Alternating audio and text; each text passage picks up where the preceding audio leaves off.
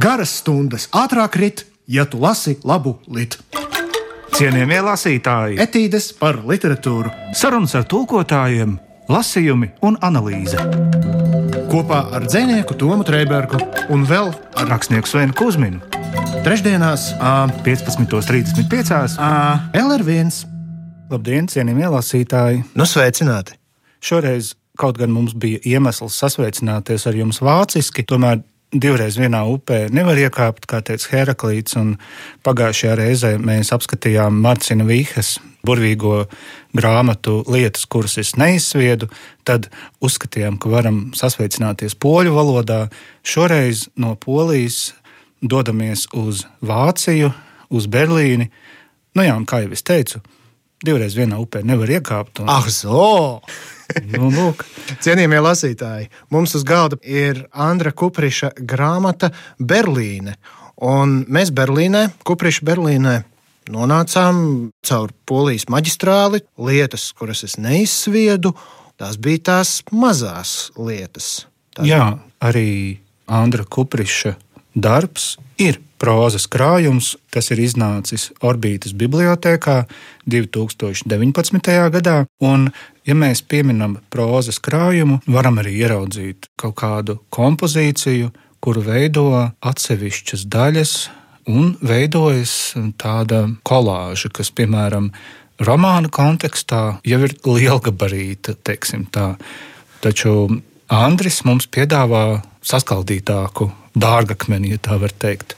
Ar to Andri vispār ir interesanti, un ar šo grāmatu it sevišķi, jo viņa ir tāda, tu zini, mēs tās mazās dzīves detaļas salīdzinājām ar smiltīm, ar smilšu graudiņiem dzīves pludmalē. Un tad, kad es mēģinu kaut kādā veidā notvērt to centru, kaut kādu mugurkaulu šai grāmatai un saprast, par ko tas vispār ir, kas tas vispār ir, ko es šobrīd turu rokās. Tiklīdz man šķiet, ka es esmu pietuvojies pie kaut kādas skaidrības, viņa uzreiz lūk, tieši tā kā šīs smiltis caur pirkstiem pabirst. Un tāpēc, nu, piemēram, es gribētu te jautāt, iedomājamies, ja etīda grāmatveikalā. Jūs esat grāmatu tirgotājs, un es tātad esmu pircējs. Māsku uzvelciet. Piedodiet, jā. A, sakiet, kas jums tā pa grāmatiņu? Nu, te tāds uh, viens tāds diezgan jauns, uh, es pat nezinu, vai viņš ir rakstnieks. Nu, uzrakstījis ir Un par ko tur ir tajā grāmatā? tā par, par, uh, par tādu jaunu cilvēku dzīvi, it kā par mīlestību, it kā nav par mīlestību. Tā Berlīne tiek pieminēta. Nu, tur ir viens tāds lielāks gabals tieši par Berlīni, nu, par to, kā viņš tur ceļo. Nu, tāds, nu, uh, nu, paskatieties, nav jau, nav jau, nav jau zemē metams. Bet saprotiet, Sven, mēs nevarēsim katru raidījumu taisīt šo etīdu. Nē, nu, bet es jau arī. Nu, jā, mums nepietiks masku. Bet tiešām man gribējās dzirdēt, kā tu raksturotu viņu, jo viņš, nu, viņš tāds netverams. Man šķiet, ka viņš kaut kādā ziņā pat aizbēg no tā, ko mēs esam savā tradicionālismā pieraduši dēvēt par tēmu, piemēram. Vai arī viņš kaut kādā noslēpumainā veidā padara tēmu caurspīdīgu. Nu, brīnišķīgs piemērs. Viņam ir ā, stāsts, kur galvenais varonis izdomā iet kursos. Viņam ir ļoti svarīgi, viņš grib iet tajos kursos, jo viņam ļoti vajag iemācīties to, ko tajos kursos māca. Un tas viņam ir ārkārtīgi nozīmīgs notikums. Un mēs nevienā brīdī tā arī neuzzinām, un nekad neuzzināsim, ko viņš tur mācījās. Bet, Sven, es izmantoju dedukcijas metodi, sapratu, ko viņš mācījās. Par ko tad- kas tad Bet bija? tagad ir jautājums, vai tu gribi šo trauslo mistikas plīvuru pārraut? Tas ir ļoti labs jautājums. Varbūt, ka es tu gribi paturēt to. Jo man kods, pēc kura es atkodu, kas šie ir par kursiem, bija bezdalīga iela. Mm. Un tā kā es savulaik biju Āgenskalna puika, tad um, mm. no manām bērnības atmiņām, un mēs ar Andri esam praktiski vienaudži, Jā. līdz ar to arī ar tevi, un mēs dalījām vienu bērnības teritoriju. Tātad Āgenskalnu viņš piemina arī Sabilas ielu, Jā, jā, Kolkas jā. ielu, to es uh, atkodu. Bet, nu, tad, Tad Tā, bet tas, ka tur ir viens šāds viltīgs kods, kurš ir paslēpts no vienkārši garām gājēju acīm, nu, Ir vēl viens, ir arī tajā lielajā Berlīne, kas arī ir fināla fanfāras šajā izdevumā. Tur ir viens dialogs galvenajam varonim ar viņa draugu, un viņš viņam ir uzdāvinājis mazu sējumiņu, kuru ir nopircis, ja nemaldos, kaut kādā utenī, tajā Grāmatā grāmatā, jā. Un tad uh, tas galvenais varonis jautā, nu, kas tā ir par grāmatu. Viņš saka, ka nu, tur kaut kāds uh, čehu jurists kaut ko tur rakstīja, tā arī pats nekad neko neizdeva. Nu, par ko tur ir? Ne, kaut kas pārvērš par kukainu, un tad tu rīt saproti, ka viņš ir kukains. Man liekas, tas arī tāds sīkums, bet patīkami. Un citos raidījumos mēs cienījamie lasītāji šķiram biogrāfijas lapuses, Šoreiz tā biogrāfija par Andri ir tāda, ka, kā jau es minēju, jā, viņš ir mans un Svena vienaudzis, un es ar Andri iepazinos. Tas man šķiet bija jau pirms kādiem gadiem, jā, faktiski desmit. Jā. Tik sen jūs esat ar viņu pazīstami? Nu jā, tuvu desmit, jā. Savulaik netālu no vecās ģetrūdas baznīcas bija tāda leģendāra kultūra telpa, restorāns un arī bārs ar nosaukumu Muklājs. Visvaldi, ja tu šo klausies, tad sveiciens tev. Jā, sveiciens Visvaldim Dreiskam. Un Andris šajā restorāniņā, kas bija tāds tumšs pagrabiņš, ļoti niansētām gaismām, melnām mēbelēm, vienmēr izmeklētu mūziku. Ļoti izcilu virtuvi, Jā, un Andris bieži vien bija sastopams aiz miniatūrās melnās letes, un, un bija bārmenis šajā vietā. Viņš vienmēr arī bija tādā melnā bītlenē. Man liekas, viņš ļoti piestāvētu kaut kādā ala melanholiska melodija mehāniskiem klavieriem, vai kā sauc to Mihalkovu filmu, kur viņi cieta un skrēja pa pļavām un, un skatījās kamīnā un meklēja viens otru verandās un tam līdzīgi. Un viņš ir, kā jau te minēji, mūsu sarunas sākumā tiešām sevi kaut kā padara tādu caurspīdīgu, vienlaikus kaut kādā ziņā iepazīstina ar savu vēstījumu, bet mēs paliekam, ja ne ar tukšām rokām, tad ar tādiem pusteikumiem, un tik un tā tas ir pārdomu materiāls. Redz, cik interesanti šī situācija, nu, piemēram, kaut vai ar tiem pašiem kursiem, ja, ka tu zinādams kontekstu, uzreiz var saprast, par ko ir runa. Es nezinādams kontekstu, varu priecāties par savu nezināšanu un tās radītajiem lasīšanas blakus efektiem, pieņemsim. Bet patiesībā, ja tā padomā, nu tā taču ir ārkārtīgi smalka pieeja. Tas ir tāds ārkārtīgi smalks veids, kā izrīkoties ar lasītāju vispār. Nu, jo ir tādas grāmatas, kuras tu mēģinot lasīt bez priekšzināšanām, bez konteksta, bez kaut kādas bagāžas, nu, tu tikpat labi vari necensties. Ir tāda literatūra, vai ne, kas kaut kādā ziņā no tevis pieprasa. Tā kā Matijas Enāra kompass, tu domā? Nu, ar kompasu bija diezgan līdzīgi, bet kompasa prasības varbūt nebija tik augstas. Nu, listu fonā nu, pietika nu, uzlikt. Osmaņu impērijas konflikti gadsimtu garumā, zini, tos nevar uzlikt tā kā listu. Nē, tos nevar uzlikt tā kā listu, un varbūt labi, ka tā. Bet paskat, šeit no sagatavotības līmeņa, no zināšanu līmeņa ir atkarīgs nevis tas, vai tu varēsi šo grāmatu vispār lasīt vai nē, bet ir atkarīgs tas, kāda šī grāmata vispār būs. Tu kā grāmatas līdz autors nokļūsti pilnīgi atšķirīgā situācijā atkarībā no tā, ar kādām priekšzināšanām tu nāc. Tas nozīmē, ja es varu izmantot analoģiju, viena un tā pati šaha partija var atšķirties, ja tu viņu spēlē Pirmā pasaules kara ierakumos vai arī Miami Beachā ar Pina Kalādu. Ja? Būtībā jā. Tikai man ir tāda sajūta, ka daļa no figūrām ir aizstātas ar alus korķīšiem. Bet tas ir šausmīgi forši, jo alus korķīši var steigāt tā, kā šāda figūras nevar. Jā, tā kā Pips ar uh, Lulu spēlēja to dambreti ar glāzītēm uz mēteļa rūtēm. Ak, Dievs! Andris Kuprišs iespējams klausās šo raidījumu un domā, tie ir debilākie lasītāji, kādi man jebkad ir bijuši. Bet tas ir pifs, kam on, tā ir mūsu vēsture kopīga. Nu, redzi, tas, lūdzu, tā ir priekšvēsture, ar kur mēs nākam. Nu, tad priekšvēsture mēs esam caurmērā kaut kā ilustrējuši. Mums vajadzētu ilustrēt arī kādu fragment no grāmatas. Visādā ziņā. Cienījamie lasītāji, fragments no Andra Kupriša grāmatas Berlīna. No stāsta veiksmīgi cilvēki iespējas rada paši.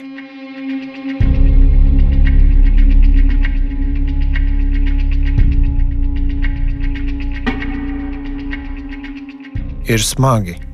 Kaut kāds smagums locekļos, smagums rokās, smagums kājās, kāds sēž virsū un neļauj. No ārpuses spiežas signāli, skaņas pārrāvumi, runas fragmenti. Kāds saka, nomierināties, bet es nevaru nomierināties, jo esmu pavisam satraucies. Kaut kas nomoka un satrauc un neļauj būt mierā.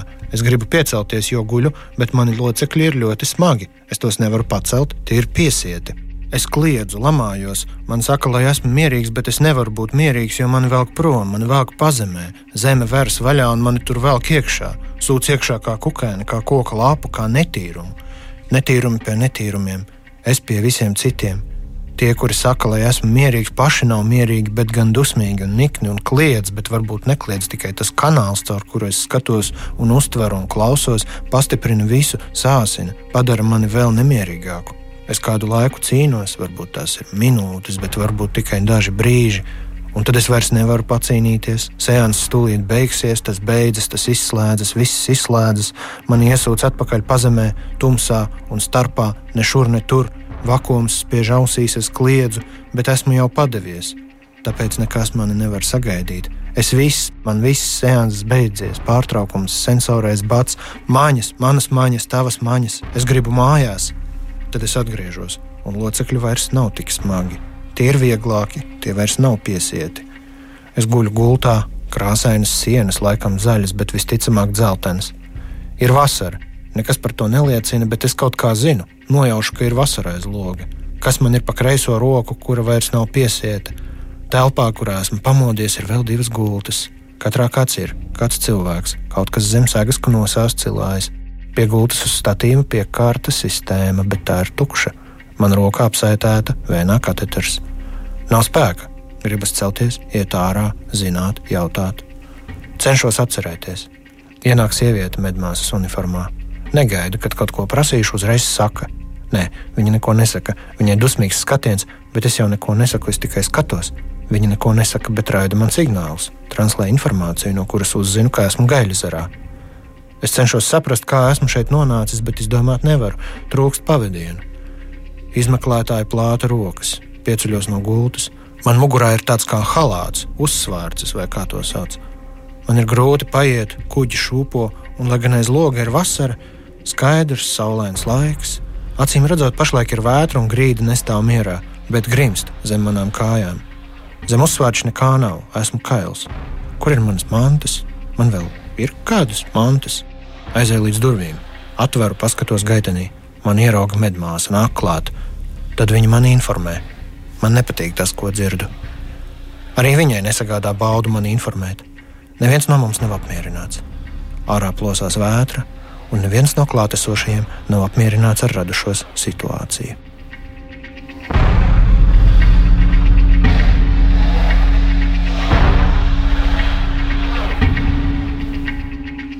Vienā no stāstiem ir arī tāda ļoti gara iztirzāta epizode, kā galvenais varonis vakarā mājās savā gultā. Viņš jau grasās doties pie miera, tad viņš dzird kaut kādu troksni aiz durvīm un sākas tāda tirāde par to, kā viņš saņemas, lai dotos noskaidrot šī trokšņa cēloni. Un tur ir tāda plānveidīga, būtībā maniakāla. Zinu, kā, kad filmās rāda tur konspirācija teorija dzīvo. Jā, jā, jā, jā, jā. Tur ir viss ar kaut kādiem sarkaniem diedziņiem, tu tur kaut kādas fotogrāfijas. Tad, ja es paspēršu solis turieni, tad šis krēsls ir tik tālu no manis. Savukārt loks, un tad, piemēram, vēl gulta. Un, ja es iešu tā, un tad viņš domā un domā un domā, bet tagad, labi, viens solis, Šis ir tāds interesants formālais paņēmiens. nu, redzi, man ir tāda sajūta, ka Andris par to cilvēka dvēseli Tu zini, ar pirkstiem rokas. Tu domā, dvēseli, kas ir grāmatas vākos vai lasītāju dvēseli? Nu, vispār pamatā laikam grāmatas vākos, bet brīžiem tas kaut kā pāriet arī uz mani lasītāju. Un, teiksim, tas moments, kur tu stāstīji, man tas ir tā kā tev ar tiem kursiem. Es vienkārši zinu, par ko ir runa, jo tā notiek šad un tā. Nedod Dievs, es teiksim, neatceros, kā es esmu braucot, piemēram, uz šejieni, pieslēdzis mājas durvis. Tu domā uz Latvijas radio, Doma laukumā 8? Jā, Tom, lai kas tas ir arī būtu, ko mēs šobrīd reklamējam. mēs reklamējam raidījumu cienījamie lasītāji. Etīdes par literatūru, kurā runājam par Andriu Kuprišu Berlīnu. Ar iztēles palīdzību tās raizes, viņas tā kā tāda sniega bumba, tur no neaizslēgtām durvīm, protams, viss eskalē un pārvēršas par neizslēgtu plīti, un tagad man viss aizdegsies. Un, Nē, nu vienkārši uzsprāgs. vienkārši uzsprāgs māja, un tiklīdz tu palaidi vaļā šo mazo pūsmiņu, viņš vienā brīdī pārvēršas par tādu veselu viesuli. Un man liekas, arī zīmīgi tas, ka tas notiek guļot gultā, jo it sevišķi raksturīgi tas ir pusmiega stāvokļiem. Visādi tādi izgudrojumi. Tad, kad tu esi tāds modrs, tad tu vēl varbūt vari savai hipertrofētajai iztēlei pateikt, ah, iztēle liecies mierā. Nu. Bet, kad tu esi. Ko tas nozīmē, liecies mierā? Kā tur man runā? Pusmiegā iztēle tā saka. À, nu tad viņi lēnāk runā. Es pats liecies mierā. Es tev pateikšu, tagad, kā viss uzsprāgs. Saproti?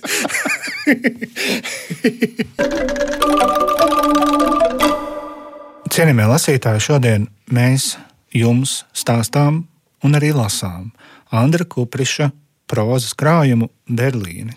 Un e, turpinājumā nolasīšu fragment no titula stāsta Berlīne. Šajā epizodē galvenais varonis klaiņo pa Kreitsbergas kanāla malu Tas ir ļoti skaists rajons šajā pilsētā. Burbuļojoša dzīvība, koncerti, jaunieši un lampiņas kokos vakarvējā. Un tātad galvenais varonis iepazīstas nejauši ar meiteni, sēžot uz soliņa Kreitsbergas kanālā.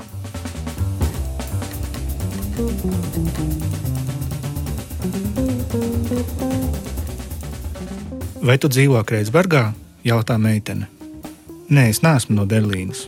A iedomājas, ka meitenei ir pelēkas acis, diezgan maza mute, šaurs un pavisam smalks kakls, kā jaunas liepas stumbras. Degunu viņš iztēloties nespēja. Šovakar gribas izdarīt ko īpašu, kaut ko radikālu, kaut ko ārpus kārtas, viņa saka. Viņas balss ir zema un nedaudz čaukstoša, kā biezs sviestpapīrs. Tādas balsis parasti ir rudmatēm, domā A un nospriež, kādā krāsā ir viņas mati. Vai tu tici dievam? Viņa jautā, bet A nobīstas. A negrib runāt par dievu, viņš negrib domāt par dievu. Tā vietā viņš domā par seksu. A vēl nekad nav gulējis ar Jehovas liecinieci. Reliģija vispār atstāja sliktu iespaidu uz viņa potenci. Tad viņš domā par to, kuras gultā varētu būt kaislīgākas - katolietis vai luterānis. Katolietis droši vien sākumā ir bailīgāks, bet, kad atbrīvojas, atdodas baudai ar visu ķermeni, dvēseli un garu. Par luterāniem A nepaspēja nospriest, jo atgriežas pie tā, ko saka meitene. Man gribētos domāt, ka ticu dievam, taču neticu, ka dievs manā labā kaut ko var izdarīt, saproti. Viņa pirmo reizi pagriežas uz A pusi, taču viņš nepakustas. Meitene brīdi vēro viņa profilu, tad iztaisnojas un atkal skatās uz to, kā pretējā krasta ielu lukturi atstarojas melnajā kanāla ūdenī. Tas ir tā, ka man liekas, ka Dievs ir, viņš, protams, ir, Nevar būt, ka viņa nav, bet es neesmu pārliecināta, ka viņš var būt labs pret mani. Viņa iedzer, viņš arī iedzer. Es šodien biju baznīcā. Es vispār neju uz baznīcu. Neviens šajā pilsētā neiet uz baznīcu. Nu, labi, kāds droši vien iet, bet es nepazīstu nevienu, kas iet uz baznīcu. Bet es šodien biju. Es gāju garām vienai baznīcai ap pusdienu laiku. Tas bija Šēnebergā, es gāju garām, un man likās, ka man jāiet, un es iegāju. Tur bija tik kluss, tā laikam bija Lutāņu baznīca. Es nezinu, tie dievkalpojumi laikam ir no rītiem vai arī vakarā, es nezinu. Bet pa dienu, kad tur iegāju, tur neviena nebija. Tikai dažas vecas sievietes, tieši tā kā būtu to iztēlojusies, ja es par to domātu. Liela, tukša, augsta baznīca un dažas vecas sievietes. Un viena man teica, palūdzies, un es viņai saku, es nemāku lūgties. Un viņa man saka, tas nekas, tu vienkārši nomities ceļos un saki kaut ko viņam. Un es viņai saku, bet ko man teikt, ko man lūgt? Meitene sarosās, paņem somu klēpī, kā taisīdamās celties un iet prom, bet tad noliek to atpakaļ uz soliņa un paliek sēžam. Es vispār nedomāju par tādām lietām. Es neesmu reliģioza, bet tagad, bet šodien, šodien es tik ļoti sagribēju, lai viņš ir, lai es varētu ar viņu parunāties. Bet es tā arī nepalūdzu.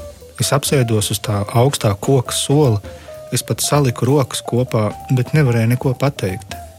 Un tā es aizgāju un zinu, ko es redzēju. Es redzēju, ka tā sieviete, kas man teica, lai palūdzos, viņa man smaidīja. Kad es gāju prom, viņa man smaidīja. Tik mīļi.